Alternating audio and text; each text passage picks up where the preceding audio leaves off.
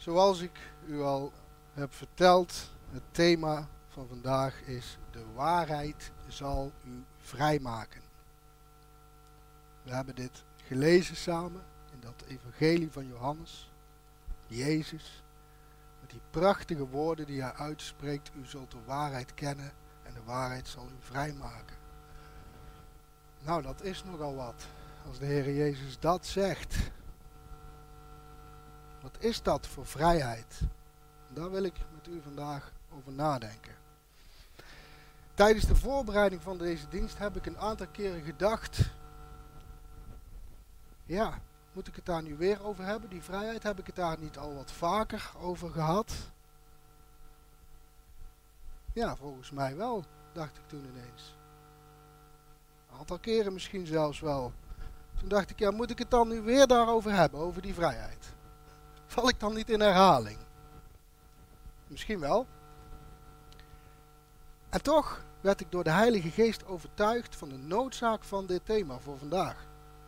Nou, het is natuurlijk ook bevrijdingsdag geweest, hè, afgelopen week dus. Misschien niet geheel toevallig. Ik werd overtuigd door de Heilige Geest van de noodzaak van dit thema. Nou, hoe, hoe begon dat dan? Dat begon op een manier die ik meestal wel heel erg fijn vind. En dat ging zo. De Heilige Geest begon mijzelf eerst te overtuigen van de noodzaak van dat thema in mijn eigen leven. En dan denk ik, ja, dat is wel fijn, want dan weet ik dat ik op het goede spoor zit. Dan weet ik in ieder geval dat ik over iets mag spreken wat ik zelf heb mogen zien van de Heere God. Hij liet mij zien dat ik misschien wel wat geproefd heb van deze vrijheid, maar dat er eigenlijk nog wel heel veel meer is wat hij nog wil geven aan mij en aan u, aan ons. Met andere woorden, ja, ik mag wel denken en geloven dat ik weet wat de christelijke vrijheid inhoudt. Maar God liet mij zien dat ik eigenlijk nog maar net begonnen ben aan de reis van de christelijke vrijheid. En toch, ik kan zeggen, ik ben vrijer dan ooit. Vrijer dan ooit maar ik ben wel onderweg. Ik ben wel onderweg. En ik hoop dat u ook onderweg bent. Ik hoop ook dat u veel verder bent dan ik op die reis. Dat hoop ik ook. Op die reis naar de christelijke vrijheid. Maar ik hoop ook dat u niet van mening bent dat u de bestemming van die geestelijke reis al bereikt hebt. Nee, ik hoop dat jij God altijd groter zult achten dan datgene wat je vandaag tot nu toe hier van Hem hebt mogen zien. Want, zo zegt de Heere God ook vandaag tegen ons, Isaiah 55, kunt u het nalezen, zoals de hemel hoger is dan de aarde, zo zijn mijn wegen hoger dan uw wegen en mijn gedachten dan uw gedachten. Beste mensen, dat geldt dus ook voor die vrijheid die Hij ons wil geven. Wanneer wij denken vrijheid te bezitten, is er bij God altijd een hogere mate van vrijheid te vinden. En dat is waar het om gaat vandaag. Afgelopen dinsdag hebben wij bevrijdingsdag gevierd. En ik denk dat u het er wel mee eens bent met mij dat dat dit jaar wel een beetje dubbelzinnig was, toch? U voelt hem al aan. We vierden de dag van onze bevrijding terwijl we zelf als het ware, nou niet alleen als het ware, we waren het zelfs. We waren gevangen door de maatregelen rondom het coronavirus. nou, en zo kan het juist ook met ons geestelijk leven wel eens zijn. Dat je eigenlijk die christelijke vrijheid zou moeten kunnen vieren. Zoals je bevrijdingsdag zou moeten kunnen vieren, maar dat je ten diepste nog niet werkelijk vrij bent. Wij zullen straks naar deze prediking samen zingen. En ik hoop dat u uit volle borst meezingt. God maakt vrij. Een prachtig lied. God maakt vrij. En het is ook een prachtige waarheid. God maakt vrij. Doet hij echt hoor. Doet hij echt. Wil hij ook voor u doen. We gaan straks zingen. Maar als dan deze dienst is afgelopen. En wij de komende week weer overgaan tot de orde van de dag zijn we dan werkelijk geestelijk vrij? Of is het dan net als die bevrijdingsdag van afgelopen dinsdag? Waarbij we als het ware toch beperkt werden in onze vrijheid. Bevrijdingsdag. Stel je eens voor, wat moet dat voor een dag geweest zijn? Hè? Bevrijdingsdag. Er zijn er onder ons die hebben het meegemaakt. Zij weten wat het is om in een tijd van oorlog te leven. Zij weten hoe het is om in het dagelijks leven onderdrukt te worden. Dat het dagelijks leven bepaald wordt door een bezetter. Dat is heel wat. Om onderdrukt te worden door iets of iemand van buitenaf. Zij waren zich daarvan bewust. Dan mag je wel veronderstellen dat zij zich daarvan bewust waren. Wat er zich toen op dat moment afspeelde. Zij waren zich ervan bewust dat er oorlog was. En bij de bevrijding werden zij zich ervan bewust dat die onderdrukkende macht weggenomen werd. Door wie? Door de bevrijders. Maar nu, een hele tijd later, in de tijd waarin wij nu leven, zijn er ook heel veel mensen die in gevangenschap en onderdrukking leven. Maar het verschil is, en dat is ook het erge daaraan, is dat velen van hen zich daar helemaal niet van bewust zijn. Er is een bezetter in hun leven en die is als het ware onzichtbaar. En zo kan het zomaar zijn dat je in een geestelijk gevangenschap leeft terwijl je het niet doorhebt. Je hebt er geen erg in. Het gebeurt. En je denkt dat het bij het leven hoort. Misschien. Of je denkt er wat anders over. Feite leef je in een geestelijk gevangenschap. Je denkt vrij te zijn. Maar ertussen wordt je leven geleid door de verlangens van je eigen zondige natuur. Dat is geen vrijheid. Dat is geen vrijheid. U denkt misschien bij uzelf, wat een onzin zeg. Ik merk daar helemaal niks van. Nee, dat is ook juist de bedoeling. Dat is juist de bedoeling. Zo werkt onze eigen zondige natuur. Als een onzichtbare sluipmoordenaar. En dan kan je wel een bevrijdingsdag gebruiken hoor. Dan heb je ook een bevrijder nodig. 2000 jaar geleden kon het Joodse volk ook wel een bevrijder gebruiken. Maar als die bevrijder dan werkelijk gekomen is, en hij kwam, Jezus Christus kwam van de hoge hemel naar beneden om te verlossen. Hen die gevangen zijn, zoals voorspeld werd in Jezaja. Hij kwam en als hij dan werkelijk is gekomen, ja dan komt het er wel op aan of je jezelf ook bewust bent van de noodzaak van zo'n bevrijder in jouw leven. Nou, Jezus sprak met deze mensen. Die mensen die eigenlijk wel zo'n bevrijder konden gebruiken 2000 jaar geleden, dat Joodse volk. En zo staat het er, toen zij hem hoorden spreken, geloofden velen in hem. Klinkt mooi, hè? Velen geloofden in hem. Maar de vraag is, wat geloofden zij precies? Wat voor geloof was dat? Klinkt heel mooi. Velen geloofden hem, in hem. Maar verderop in de tekst blijkt, als je goed leest, als je goed kijkt, dat aan dat geloof toch nog het een en ander ontbrak. Want Jezus liet hun zien dat ze helemaal niet begrepen hadden wat hij bedoelde.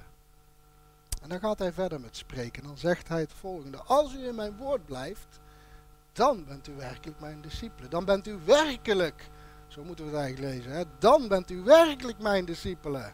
Als u in mijn woord blijft. Wat bedoelt de Heer Jezus hier? Nou, ik heb daar eens over nagedacht en ik denk, zal het eens proberen te vertalen wat hij hier eigenlijk bedoelt. Eigenlijk zegt de Heer Jezus hier dit. U bent misschien even onder de indruk van een paar woorden die ik spreek. Maar wat ik echt van u verwacht is toewijding. Toewijding waardoor u de woorden die ik spreek ook kunt toepassen in uw eigen leven blijvende toewijding aan mij. Waardoor de woorden die ik spreek een levende werkelijkheid kunnen worden in jouw leven. Dat is wat de Heer Jezus hier eigenlijk zegt. Nou, Jezus gaat dan verder met spreken. En hij zegt dan die prachtige woorden. U zult de waarheid kennen. U zult de waarheid kennen en de waarheid zal u vrijmaken. Dit zegt hij nadat hij gezegd heeft, blijf in mijn woord. Want dan bent u werkelijk mijn discipelen. Dan zegt hij, nadat hij dat gezegd heeft, u zult de waarheid kennen en de waarheid zal u vrijmaken. Nou dat, dat is er wat er gebeurt. Dat is wat er gebeurt als je één, de Heer Jezus, gelooft. Twee, die woorden van Hem serieus neemt. En drie, jezelf eraan toewijdt. Want anders blijft het allemaal nog op afstand. Hè? Zodat de woorden die Hij spreekt jouw leven kunnen veranderen. En dan ga je opeens zien dat die waarheid van de Heer Jezus Christus niet alleen iets is waar je alleen maar van gelooft dat het waar is. Nee, dan ga je zien dat die waarheid een levende waarheid is die een uitwerking heeft in jouw leven.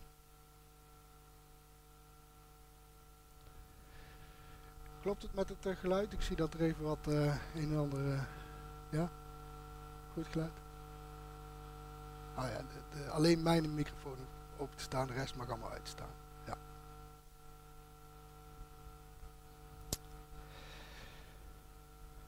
Je gaat dan zien dat de waarheid van Jezus Christus een levende waarheid is. Die, die, die eigenlijk per definitie echt een uitwerking moet hebben in jouw leven.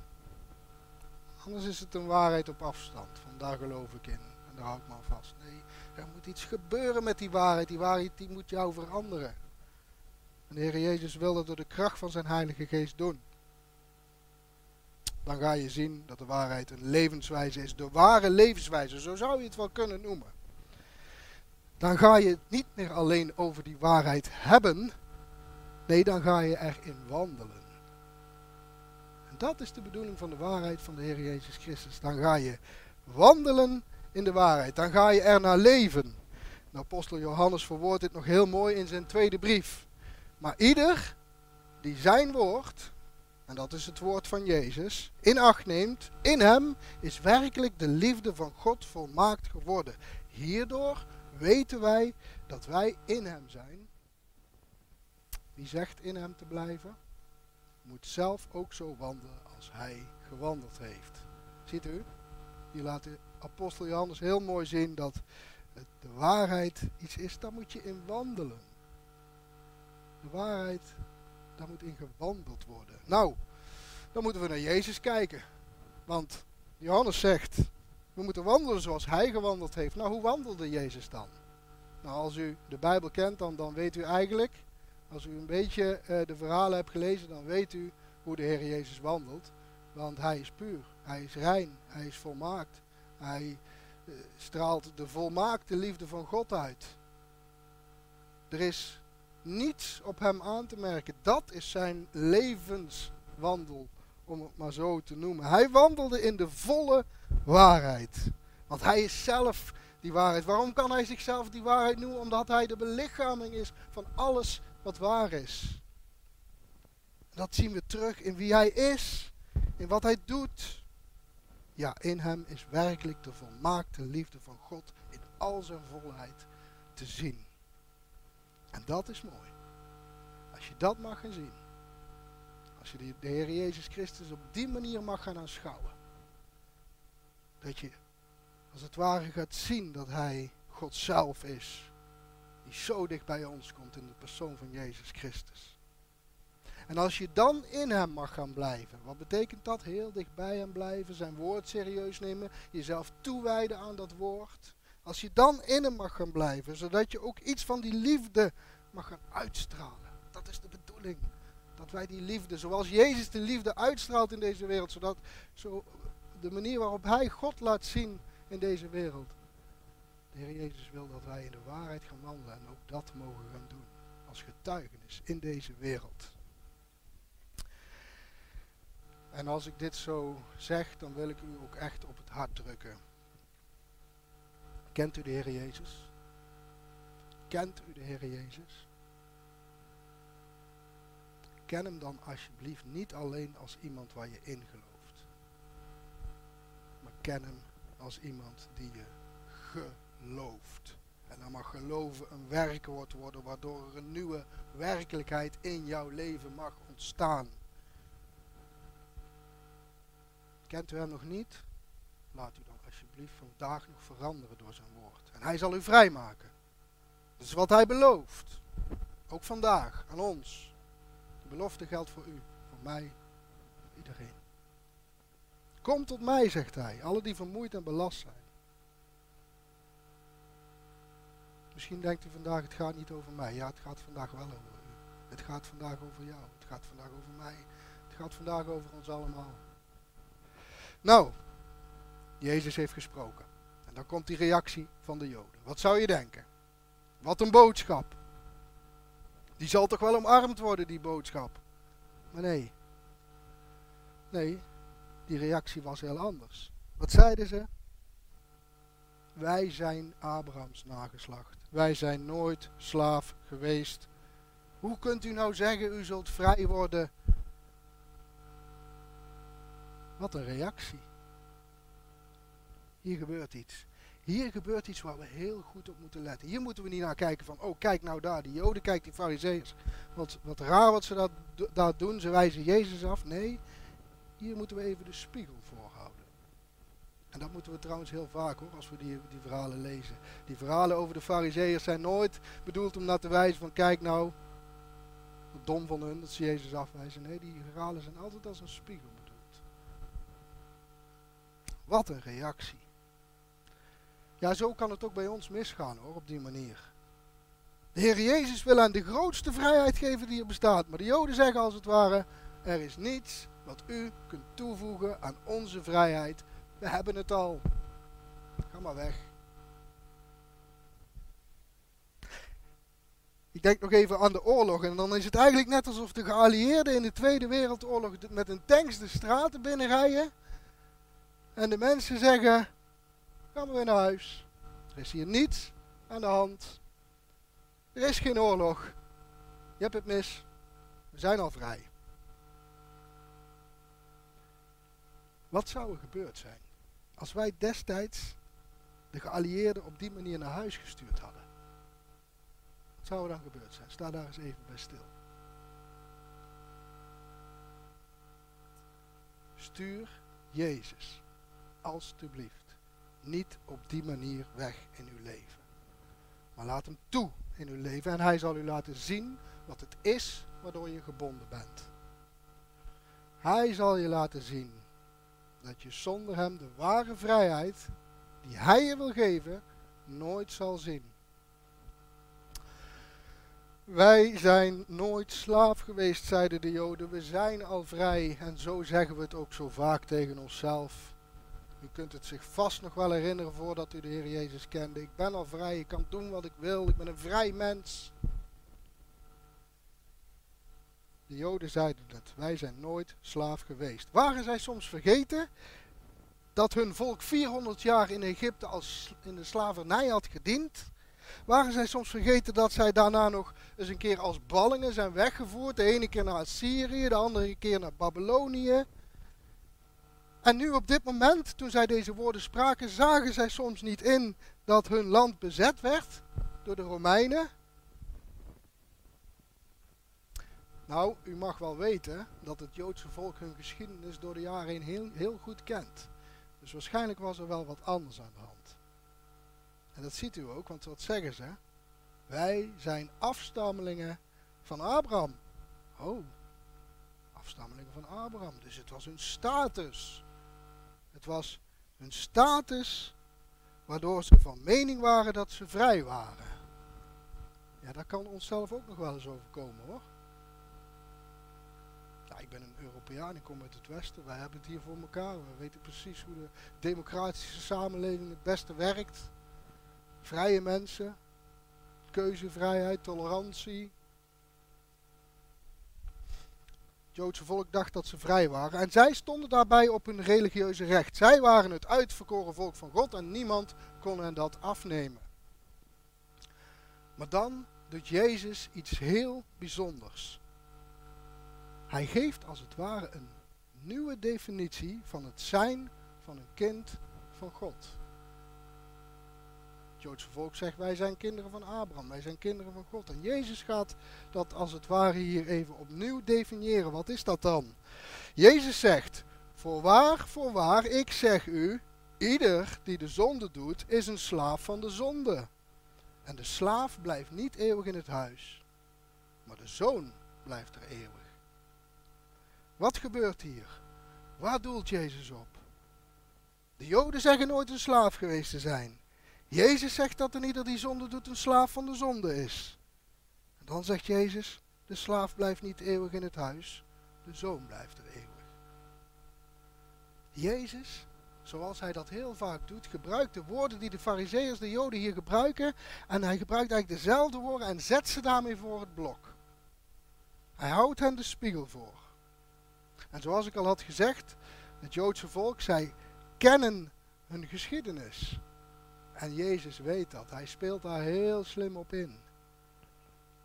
Als de Joden zojuist gezegd hebben dat zij kinderen van Abraham zijn, dan weten zij nu heel goed wat Jezus bedoelt als hij het nu ineens over een zoon en over een slaaf heeft.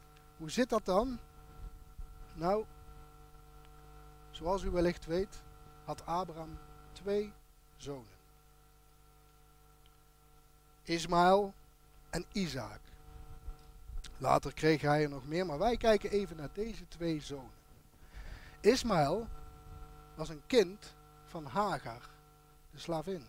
Isaac was een kind van Sarah, de vrije. En Jezus zegt als het ware, je kan wel zeggen dat je een afstammeling van Abraham bent, jullie kennen je geschiedenis, jullie weten heel goed dat de kinderen van de slavinnen destijds ook werden aangezien als slaven. Ze werden de woestijn ingestuurd. We kunnen dit nog nalezen in Genesis 21, waar staat dat Sarah tegen haar man Abraham zei over Hagar, jaag deze slavin alstublieft weg en haar zoon, want de zoon van deze slavin zal niet samen met mijn zoon Isaac erven. Hij is geen erfgenaam. Slaven zijn geen erfgenaam. En zo gebeurde het dat Abraham zijn zoon Ismaël met zijn moeder Hagar wegzond de woestijn in. En daarom zegt Jezus, de slaaf blijft niet eeuwig in het huis, de zoon blijft er eeuwig. Ismaël werd weggestuurd, Isaac mocht blijven. Ja, in, intussen weten de Joden wel wat Jezus bedoelt, hoor. Ziet u, Ismaël en Isaac waren beide zonen van Abraham. Het heeft helemaal niets met afstamming te maken. Ze waren beide zonen van Abraham. Ik kan wel zeggen, wij zijn kinderen van Abraham. Maar het gaat erom of je een slaaf bent of dat je een vrije bent. En als de waarheid van Jezus Christus jou nog niet heeft vrijgemaakt, dan ben je per definitie een slaaf van de zonde. En dat is wat de Heer Jezus hier wil laten zien aan de Joden. Het gaat niet om afstamming, het gaat niet om fysiek wie je moeder is, wie je vader is. Het gaat erom wat er in je hart gebeurd is.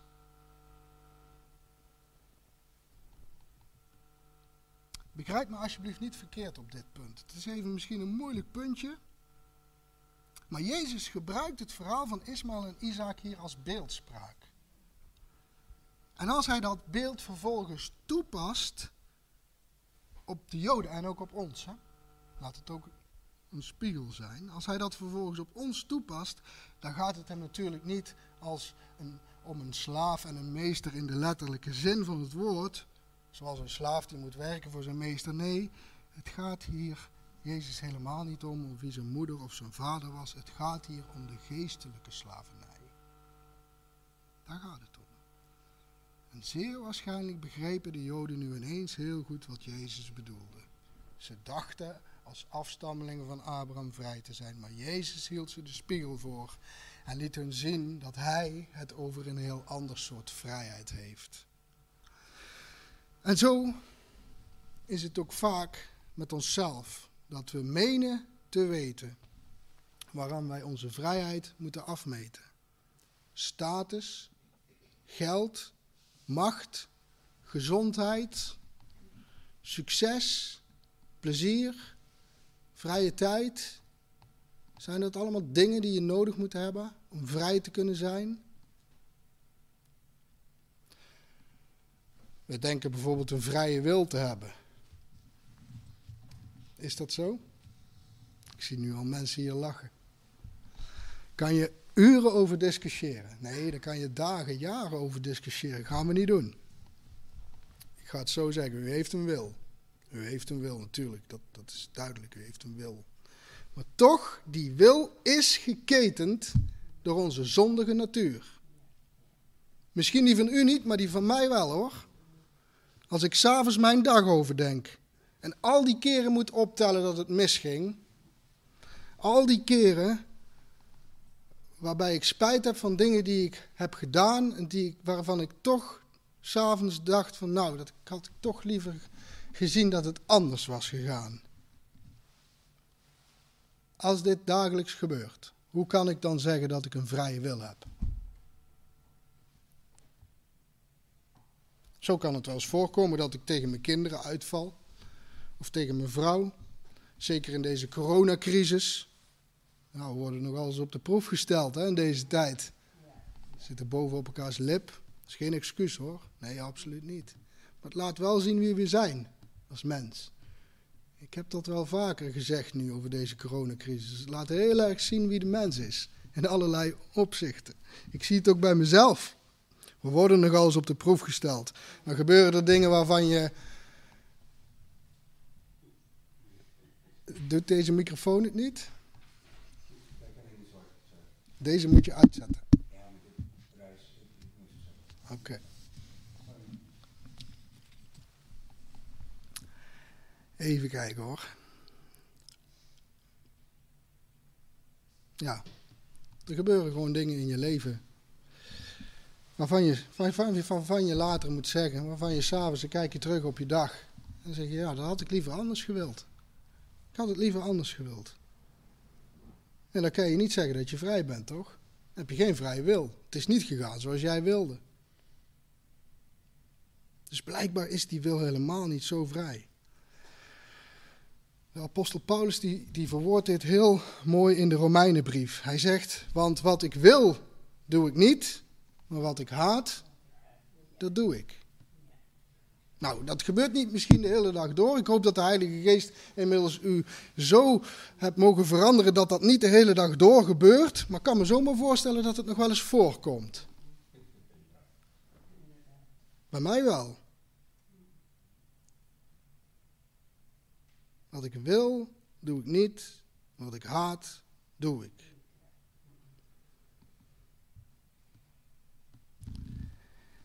Al die keren dat je doet wat je eigenlijk haat, ben je een slaaf van je eigen zondige natuur. Ik kon het niet laten. Het was sterker dan mezelf. Misschien heb je mensen dat wel zo het horen zeggen. Dat wordt dan een beetje ironisch gezegd, hè?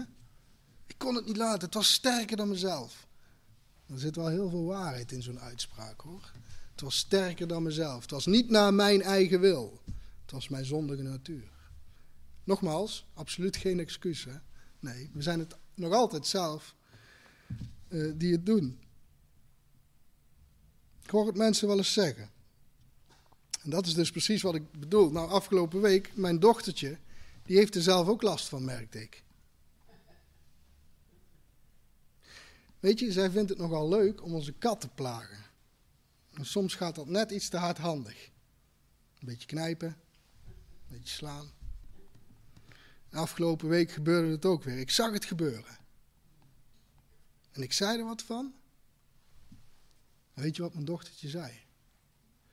Ja, ik kan er ook niks aan doen. Ik wil het eigenlijk niet, maar het komt gewoon steeds. Ziet u, die zondige natuur die zit gewoon in ons. Dat kan je al heel vroeg zien. En ik kan u melden, dat is niet iets waarvan we heel vaak zeggen, maar dat is niet iets wat zomaar overgaat bij het volwassen worden. Nou, misschien denk jij, ik heb helemaal nooit spijt van de dingen die ik doe als ik s'avonds terugkijk op mijn dag. Of sterker nog, als ik terugkijk op heel mijn leven. Je kent het wel van die uitspraken. Als ik terug mag kijken op mijn leven, En kan ik zeggen dat ik heb geleefd en dat ik nergens spijt van heb gehad? Nou, dat is nogal wat hoor, om dat te zeggen. Dat is heel wat. Er zijn toch mensen die, ik zeg, die het zeggen. sterker nog, ik heb het zelf ook heel lang gezegd. Maar ik wist ergens toen ik het zei dat, ik het, dat er toch iets niet klopte. Klopt iets niet als je dat zegt. Ja, misschien bij anderen wel. Als je dat kunt zeggen en als je het ook echt meent, ja, dan kun je in een bepaald opzicht misschien zeggen dat je vrij bent. Maar wat voor vrijheid is dat dan? Misschien heb je, misschien heb je in het verleden met jouw gedrag, met jouw acties wel mensen pijn gedaan. Dat zou maar kunnen. Misschien waren het je ouders, je broer of je zus, je man, je vrouw, je kinderen, je collega, je vriend, je vriendin.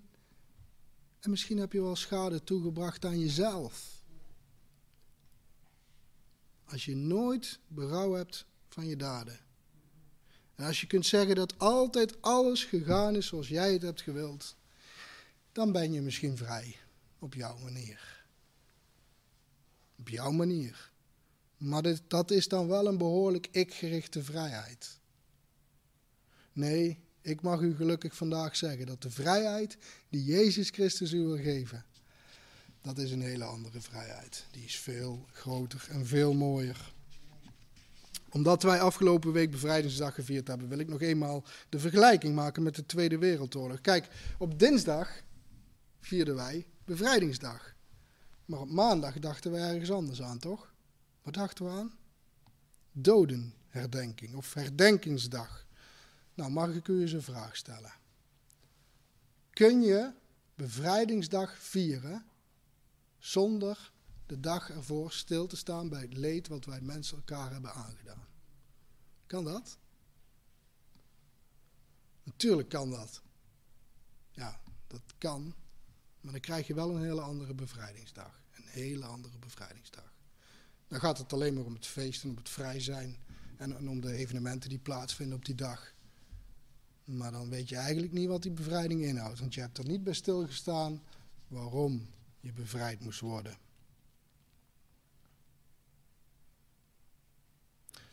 Je moet jezelf afvragen welke waarde, welke inzichten geeft zo'n dag, zo'n maandag, zo'n 4 mei. Welke inzichten geeft dat ons? Als we daarbij stilstaan, bij onszelf, als mens, wie we zijn, in onze geschiedenis als mensheid, wat we elkaar aandoen in oorlogen en, en allerlei andere zaken, persoonlijk naar elkaar toe. Dan mag zo'n dode dag wel een dag zijn waarbij je stilstaat bij het leed wat de mens elkaar aandoet. Nou, dan pas kan je echt vrijheid vieren, als je daar eerst bij stil hebt gestaan. Als je niet genoeg stilstaat bij de reden waarom je bevrijd moet worden, dan kun je eigenlijk je vrijheid niet vieren. Nou, en zo is het ook met ons geestelijk leven. Het is precies hetzelfde. Ik wil het vandaag zo zeggen, er moet in ons leven eigenlijk een soort van geestelijk 4 mei plaatsvinden. Een soort herdenking, een gedenking. Voordat we werkelijk kunnen zien welke vrijheid Jezus ons wil geven. Waarvan we bevrijd moeten worden. Er moet een moment zijn, nee sterker nog, er zullen steeds momenten moeten zijn. Terugkerende momenten, net zoals bij uh, het jaarlijkse 4 mei.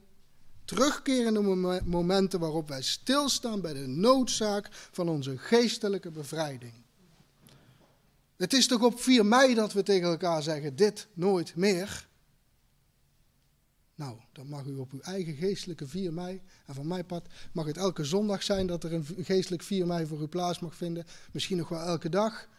Dat er dingen gebeuren waarvan je spijt hebt en zegt, dit nooit meer. Heilige Geest, help mij om een ander leven te gaan leiden. Dit nooit meer.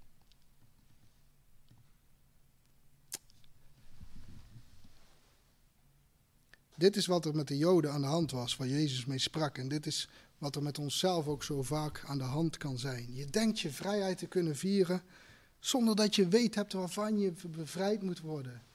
Die Joodse mannen die hadden hun geestelijk 4 mei nog niet gehad. Zo zou je het wel kunnen zeggen. Bevrijd worden, daar gaat het om. Nou, waar moeten wij dan van bevrijd worden? We hebben het de hele tijd gehad over bevrijding. Dan moet je goed opletten wat Jezus zegt. Hij zegt, u zult de waarheid kennen. De waarheid zal u vrijmaken. Als het de waarheid is die ons vrijmaakt, dan betekent dat dat wij bevrijd moeten worden van de leugen. De leugen is de bron van de zonde. De leugen vertelt je dat je vrijheid kan verkrijgen buiten God om. Zo was het al in het paradijs. Toen de slang tegen Eva zei: Is het echt zo? Wat God gezegd heeft? Dat je dit niet mag, dat niet mag. Is het echt zo? U mag niet eten van alle bomen in het hof, in de hof. Wanneer God de Vader aan ons laat zien wat goed voor ons is, en dat deed Hij toen, en dat doet Hij ook vandaag vanuit Zijn woord voor ons. Wanneer God de Vader dat doet, dan komt altijd weer die andere Vader om de hoek kijken. En dat is de Vader van de leugen. En Hij brengt alles wat God gezegd heeft in twijfel. Doet Hij vandaag de dag nog steeds. En, en, en dat heeft Hij de hele menselijke geschiedenis gedaan. Dat heeft ons gevormd. Daar, daaruit is onze zondige natuur ontstaan. Dit heeft ons gemaakt wie we zijn als mens nu. Mensen die hun leven lang op zoek zijn naar vervulling en vrijheid in dingen die het nooit volledig kunnen geven. En daardoor moeten we onszelf en anderen zo vaak teleurstellen. Dat is zo jammer. Nou, hoe uitzicht dat in ons leven? Misschien heb je wel een verslaving.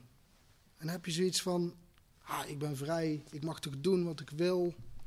Er is toch niemand die tegen mij hoeft te zeggen wat ik moet doen. Wat is dat voor vrijheid?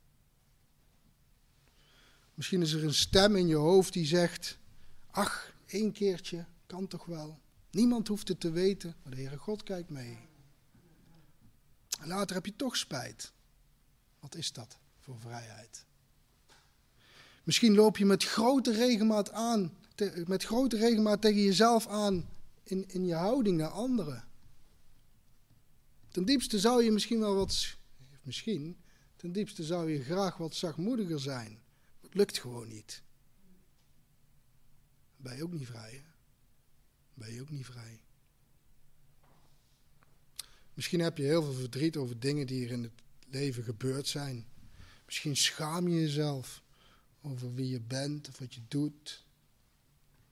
Misschien leid je daardoor wel een heel destructief leven. Misschien denk je dat je niet zo hard bent.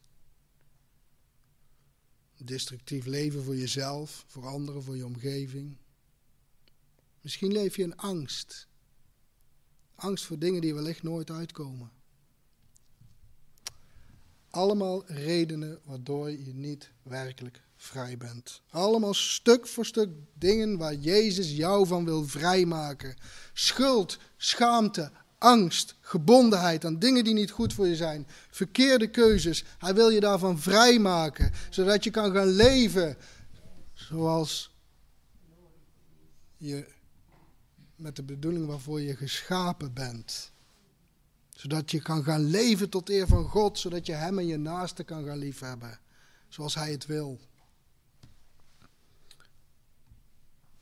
Alleen wanneer wij in de juiste relatie tot God en onze naaste staan en onszelf, kunnen we werkelijk vrij zijn.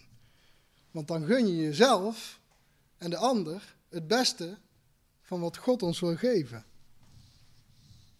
Dat is toch mooi als het zo zou kunnen, hè? Het kan soms ook zijn dat je jezelf niet gunt. Maar God wil het je wel geven hoor. Hij wil het je geven. Hij wil het beste van zichzelf geven. Nou, wat is dat? Dat is zijn zoon. Hij geeft het beste van zichzelf hoor. Er is niets wat, wat hij achterhoudt. Ik wil afsluiten met een voorbeeld van iemand die de christelijke vrijheid op een bijzondere manier mocht leren kennen. In de oorlog zijn, zoals wij weten, vreselijke dingen gebeurd. En kerken gaven lang niet altijd het christelijke weerwoord wat je zou mogen verwachten. Dat is gewoon de waarheid tegen deze gruwelijkheden. Er was echter één man, Dietrich Bonhoeffer, een Duits theoloog, hij deed dit wel. Hij gaf leiding aan een groep van christenen die als oppositie opstonden tegen de gruwelijke jodenvervolging van Hitler. En Bonhoeffer zag dat Hitler die ideologie van hem ook in de kerk wilde inbrengen. En Bonhoeffer wilde dit tegenhouden. Hij hielp zelfs Joodse mensen te ontsnappen uit Duitsland. Nou, Je kan je wel voorstellen, dat werd hem natuurlijk niet in dank afgenomen. En ze waren naar hem op zoek. Ze wilden hem vervolgen. En bang om gevangen genomen te worden, vluchtte Bonhoeffer naar Amerika. Hij was vrij, eindelijk vrij in Amerika. Zou je denken. Misschien voel je hem al aan. Hij ervaarde dit niet zo. Waarom niet? Hij voelde zich juist in Amerika gevangen. Waarom? Omdat hij daar zijn verantwoordelijkheid naar zijn broeders en zusters niet kon nemen. Hij zei dit: Het was verkeerd om naar Amerika te gaan. Ik zou nu bij mijn broeders en zusters in Duitsland moeten zijn. Hoe moeilijk en gevaarlijk dat ook is. Als ik hier blijf in Amerika, heb ik straks, wanneer we met elkaar het christelijke leven in Duitsland weer op willen gaan bouwen, heb ik geen enkel recht om daarbij te zijn. En daarom moet ik nu bij hen zijn en moet ik de beproevingen die zij nu moeten doorstaan met hen delen. Bonhoeffer ging terug. Hij deed waar hij vrede mee had in zijn hart. Uiteindelijk moest hij het met de dood bekopen. En toch, beste mensen, was dit de vrijheid van Dietrich Bonhoeffer. Zijn vrijheid was niet in Amerika, waar hij niet vervolgd werd. Daar was niet zijn vrijheid. Zo zie je dat de menselijke vrijheid, de vrijheid die naar menselijke maatstaven soms heel anders kan zijn dan de vrijheid die Jezus ons wil geven. Zijn vrijheid was in Duitsland, waar hij de mogelijkheid had om met zijn broeders en zusters te strijden tegen het onrecht. Dat was zijn vrijheid. Waarom was dat zijn vrijheid? Dat was zijn vrijheid omdat hij de Heer Jezus Christus kende. Daarom was dat zijn vrijheid. Omdat de Heilige Geest hem had overtuigd van een nieuw soort vrijheid.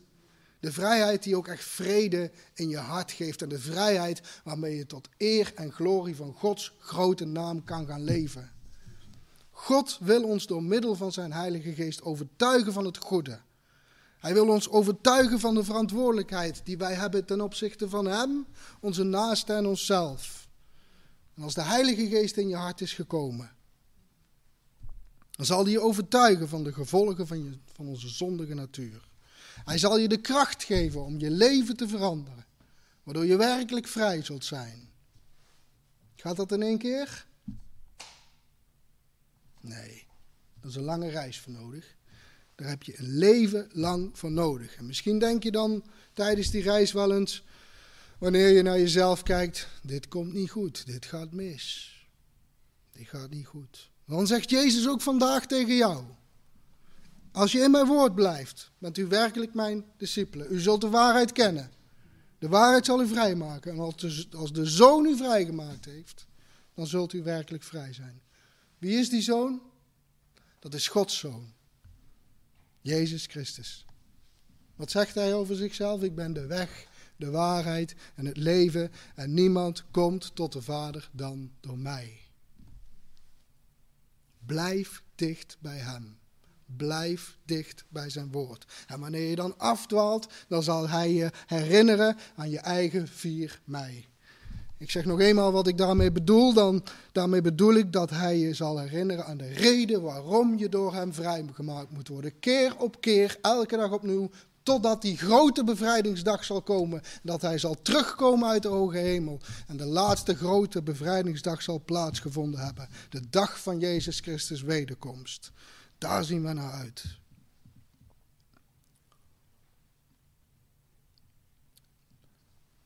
Nou, dit is wat eigenlijk wat hij bedoelde toen hij tegen de Joden sprak in het verhaal wat we gelezen hebben. Je kunt alleen je eigen geestelijke 5 mei, je eigen geestelijke bevrijding vieren, als je ziet waarom hij gekomen is en waarom hij ook in jouw leven wil komen. En als dat eenmaal gebeurd is, dan mag je weten dat Jezus jouw bevrijder is. En dan mag het misschien behoorlijk misgaan. Dan mag het misschien behoorlijk misgegaan zijn in het verleden. Maar Jezus Christus wil niet dat je daar nog schaamte en schuld over hebt, want dat heeft Hij gedragen aan het kruis. Hij neemt dat allemaal op zich. Dat is nooit te veel, want zijn bloed reinigt van alle zonde. Waardoor, u met hem in alle vrijheid die hij u wil geven, vooruit mag kijken. Hoe ver? Nou, tot in eeuwigheid. Want de slaaf blijft niet eeuwig in het huis. De zoon blijft er eeuwig. En als de zoon u dan vrijgemaakt heeft, zult u werkelijk vrij zijn. Vrij zijn als kinderen van de Allerhoogste. Tot in eeuwigheid. Geloof in Hem en blijf in Zijn woord. Amen.